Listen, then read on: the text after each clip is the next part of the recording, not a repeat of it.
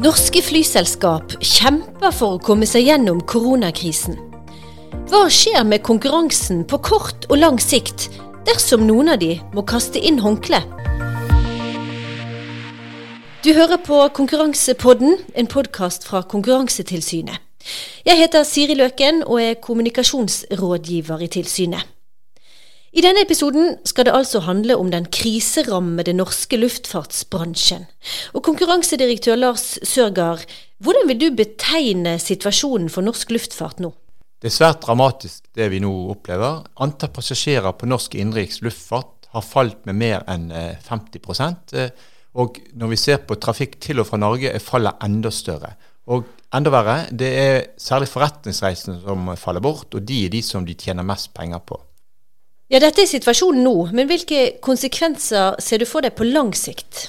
Utfordringen er at uh, det skjer noe med vårt uh, reisemønster. Vi vet alle at uh, det med digitale møter nå er mer attraktivt og mulig å få til enn vi trodde før. for min egen del så tror jeg og håper at det blir færre turer til Oslo i ettertid, og det blir heller digitale møter. Dette betyr at selskapene må regne med en varig nedgang i etterspørsel. Ja, Torbjørn Lote i NHO Luftfart sa tidligere i høst at norsk luftfart har behov for 14 milliarder kroner. Det er ikke Konkurransetilsynets rolle å avgjøre om eh, det skal gis statsstøtte eller ikke. Eh, vår oppgave er å gi konkurransefaglige råd til eh, regjeringen, og det har vi gjort. Kort fortalt mener vi at det på lang sikt vil være rom for konkurranse i norsk luftfart, uavhengig av hva som skjer nå på kort sikt i denne krisen. Ja, Vi i Konkurransetilsynet er, bedt om å komme med råd og anbefalinger til regjeringen, og det har vi også gjort. Hva er de tyngste argumentene mot statsstøtte? For det første er det sannsynlig, som jeg nettopp eh, nevnte, at det blir konkurranse på de største norske flyrutene selv etter covid-19 og nedgang i etterspørsel. For det andre så er det vanskelig nå å gjennomskue hvor stor redningspakken skal bli. Før sommeren trodde vi det ville gå fort over. Nå ser vi at dette kan ta tid, og ingen vet i dag hvor lang tid. For det tredje så er det problematisk dersom vi skal gi statsstøtte til noen selskaper, ikke andre. Det kan komme i konflikt med statsstøtteregelverket. Men dersom eh, eksisterende flyselskaper med store økonomiske problemer ikke får støtte, så kan det jo ende med konkurs. Og Vil ikke da vi nordmenn få et dårligere flytilbud? Straks eh, pandemien rammet Norge, så innførte den norske regjeringen en ordning som betød at de kjøpte inn flytjenester. Det betød at eh, det ble et minimumstilbud på de viktigste flyrutene i Norge, og det var SAS, Norwegian og Widerøe som da fløy på disse rutene. Hvis nå noen av disse forsvinner fra markedet, så er det grunn til å tro at det er både kapasitet og andre selskaper som kan overta den eh, posisjonen, og dermed sikre dette minimumstilbudet som staten ønsker å tilby. I hvilken grad kan statsstøtte til flyselskaper svekke konkurransen i luftfarten? Nå er det svært stor usikkerhet om hva som vil skje fremover. Ikke minst eh, hvilke reisemønster som vil være etter covid-19. Eh, da er det behov for omstilling det i, i, en slik situasjon bevare det bestående er ikke, ikke, nødvendigvis det beste vi kan gjøre. Da er det bedre å åpne for nye løsninger. Det er en dårlig idé å utsette en omstilling som må komme. Derfor er det viktig at vi nå legger til rette for at nye selskaper kan komme inn eh, og tilby det som vi nå trenger i den nye tiden.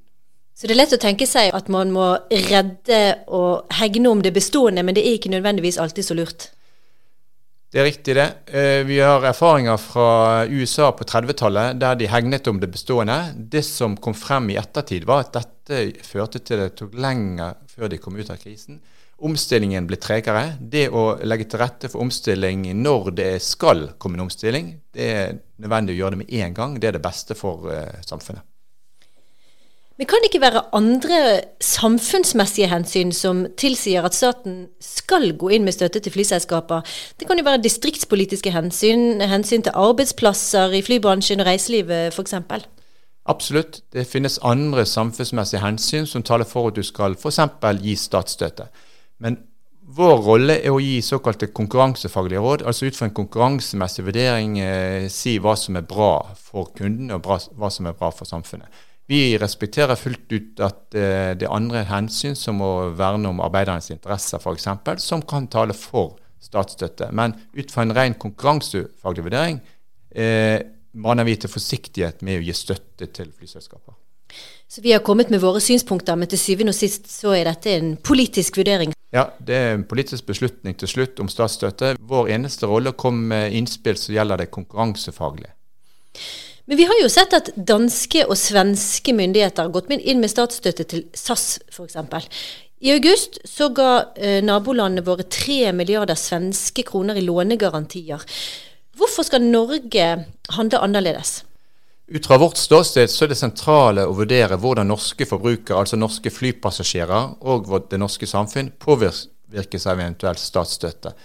Og I den forbindelse er det ikke så relevant hva andre land gjør. I den grad det er relevant, så taler det nærmest for å ikke gi statsstøtte. Det at andre land sikrer flyselskaper eh, sin eksistens, gir større mulighet for at det òg er flyselskaper som er villige og har evne til å fly i Norge. Men det at noen flyselskaper får statsstøtte eh, av sine land, og andre ikke, fører ikke det til urettferdighet i konkurransen? Jo, på en måte kan du si det, men samtidig vi er opptatt av at eh, det er forbrukerne som er i fokus. Det at konkurrenter opplever det som urettferdig, er ikke det avgjørende. Hvis det er slik at en eller annen ordning fører til at forbrukerne kommer bedre ut, flyplasser skjer i et tilfelle, så er vi positive til det. Det er det vi fokuserer på. Vi skal snakke mer om hvordan vi i Konkurransetilsynet har fulgt med på flybransjen de siste årene. Men først skal vi oppsummere litt endringene som har skjedd i norsk luftfart den siste tiden. For det er ikke til å komme bort fra at det har vært et dramatisk år til nå. Vi begynner i mars.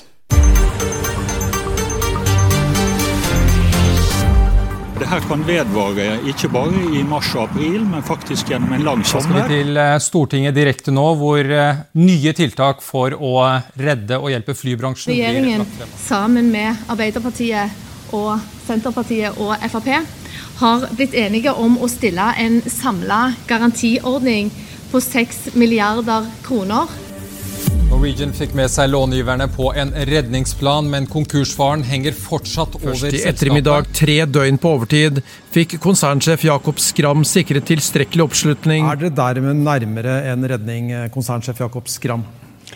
Ja, vi er det. Duket for priskrig i kriserammet norsk flybransje. Ungarske Wizz Air satser tungt fra november. Neste år følger nytt norsk selskap etter. Det viser jo at det er noen som mener at det norske markedet når vi kommer ut av covid-19 er et godt marked. Vi som forbrukere skal være fornøyd med hvis vi får konkurranse som gjør at prisene holdes godt. Ja, her hørte vi fra nyhetssendingene til NRK fra mars og frem til i høst.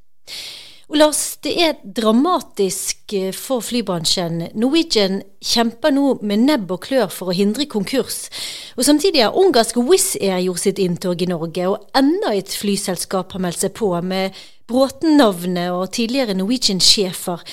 Hva viser dette om hvor attraktive norske flyruter faktisk er? Hvis du ser på trafikktallet, så er det slik at de største rutene i norsk luftfart de er på størrelse med store ruter i Europa. Og det er faktisk ikke så rart, fordi det er store avstander i Norge, og dermed så er både bil og tog ofte lite attraktive. Før covid-19 kom det en offentlig utredning som antydet at det faktisk var mulig med tre selskaper på enkelte store ruter. Det antyder at selv etter covid-19, og hvis etterspørselen går noe ned, så er det rom for konkurranse på disse rutene. Ja, hvordan tror du da f.eks. Wizz Air da, vil prege norsk luftfart fremover? Det er som sagt eh, sannsynligvis rom for konkurranse på eh, flere store ruter. Og Wizz Air har nå eh, etablert seg, og eh, slik jeg ser det, så er det rom for at de kan bli eh, en eh, varig aktør i dette markedet så har jo Wizz Air fått uh, mye oppmerksomhet uh, for sitt forhold til fagforeninger bl.a., men også for billettpriser til en slikk og ingenting. Er det grunn til å tro at slike priser vil fortsette? Det er ikke overraskende at de går inn i markedet på denne måten ved å uh, prøve å få fotfeste gjennom å gi veldig lave priser. Men over tid så vil vi forvente at det blir mer normalt. Dvs. Si at fortsatt noen lave priser, men òg noen høye priser. Hvis Wizz Air lykkes med å få sterkt fotfeste, eh, så kan de bli en såkalt dominerende aktør. hvis de er en såkalt dominerende aktør, så har de særlig ansvar for ikke å svekke konkurransen. Det betyr at de bør uh, tenke så nøye om når de selger uh, flybilletter til veldig lave priser. For hvis prisen er for lav, under kostnadene, så kan det være et misbruk av dominans. Konkurransereglene vil sikre at de eh, ikke presser noen andre ut av markedet. Ja, Vi skal komme tilbake til hvordan du ser for deg utviklingen i norsk luftfartsbransje også etter covid-19. Og Vi skal tilbake til 1990-tallet, der SAS hadde monopol i Norge. Kan vi komme i den situasjonen igjen? Konkurransedirektør Lars Sørgaard, hvordan vil du karakterisere konkurransesituasjonen i norsk luftfart før covid-19? Det har svingt eh, veldig. Frem til 1994 var det slik at SAS fløy på noen ruter og Bråtens på andre ruter. Fra 1994 så var det slik at de kunne konkurrere på hverandres ruter. Det førte til en usunn form for konkurranse. Begge to eh, lanserte en rekke avganger, og de fløy med halvtomme fly. Det var eh, dyrt, og det førte til at Bråtens fikk store økonomiske problemer. Så i 2001 ble de kjøpt av SAS, og dermed så fikk SAS monopol. Det varte kun et år, men førte i den perioden til høyere priser. Så kom Norwegian. Eh, fra 2002 så har vi hatt eh, konkurranse på pris i det norske luftfartsmarkedet. Ja, Hva innebar etableringen av Norwegian som lavprisselskap da i 2002? For oss eh, flypassasjerer har hatt stor betydning. Det har betydd at vi har opplevd lavere priser enn vi ellers ville ha gjort. Og ikke minst har vi fått en rekke nye ruter. Det er ikke bare innenriks, men vi har også fått mange ruter til og fra Norge som følge av Norwegians strategi. Ja, Vi er jo glad i historiske tilbakeblikk her i Konkurransepodden. Vi skal høre hvordan NRK Dagsrevyen omtalte Norwegian da selskapet etablerte seg som lavprisselskap da i september 2002.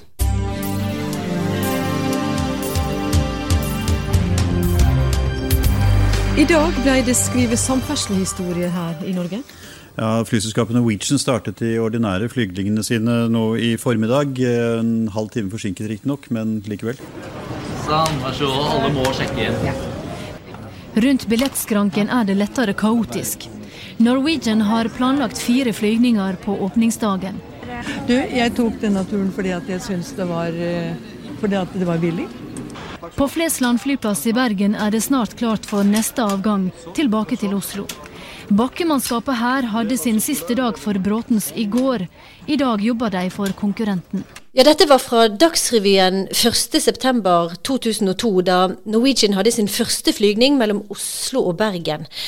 Norwegian etablerte seg jo eh, som selskap allerede i 1993, men det var først i 2002 de kom inn som et lavprisselskap. Og Hva har Norwegian betydd for norsk luftfart? Det har betydd svært mye for norske flypassasjerer, både når det gjelder eh, pris vi betaler og tilbud vi har. Det hører med til historien at eh, Konkurransetilsynet i 2002 eh, la ned forbud mot bonusopptjening på innenriks flyruter. Det betød at Norwegian kunne etablere seg på like vilkår med SAS, og ifølge Norwegian var det helt avgjørende for at de valgte å etablere seg på norsk innenriksluftfart. Ja, Før eh, Norwegian kom på banen, og før eh, Bråtens da ble en del av SAS, så hadde de, to selskapene eh, konkurrert eh, på det norske stamrutenettet siden 1994. Og hvordan vil du karakterisere den konkurransen? Det var en usunn form for konkurranse, slik jeg ser det. De konkurrerte i liten grad på pris, men de eh, valgte å ha mange avganger og dermed stor kapasitet. Flyene var halvtomme, det ble veldig dyrt, og dette var ikke så gunstig for forbrukerne, for det betød at de fikk eh, et dårlig tilbud prismessig. Og Så ser vi jo nå, eh, som vi har vært inne på tidligere, at noen ønsker å starte et nytt norsk flyselskap og bruke Bråten-navnet. Hva vil det i så fall innebære for konkurransen? Det er spennende det vi nå uh, hører, men det er litt vanskelig å se hva som faktisk vil skje. Det er stor usikkerhet.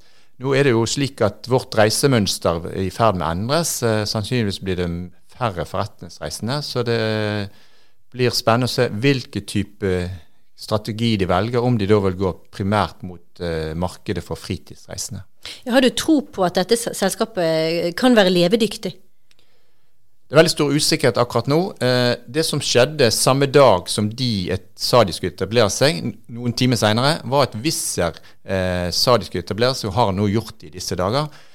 Nå har Wizz fått en fordel ved å være først i markedet av de to, så det gjør jo det ekstra vanskelig for de å lykkes med en slik etablering. Men hvis vi skal prøve å se litt fremover, da, når koronakrisen er over. Hvor sannsynlig tror du det er at alle de norske flyselskapene har kommet seg helberget gjennom krisen? Widerøe er i en eh, særstilling fordi de flyr primært på kortbanenettet, og i mange tilfeller møter de ikke konkurranser fra verken SAS eller Norwegian. Jeg tror det store slaget vil stå på det såkalte stamrutenettet. Det er der SAS Norwegian flyr nå, og der Wizz har kommet inn.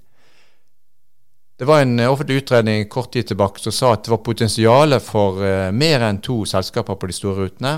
Det tyder på at det er potensial for flere selskaper, men det er veldig vanskelig nå å spå hvor mange det er vi faktisk har plass til i dette markedet etter covid-19.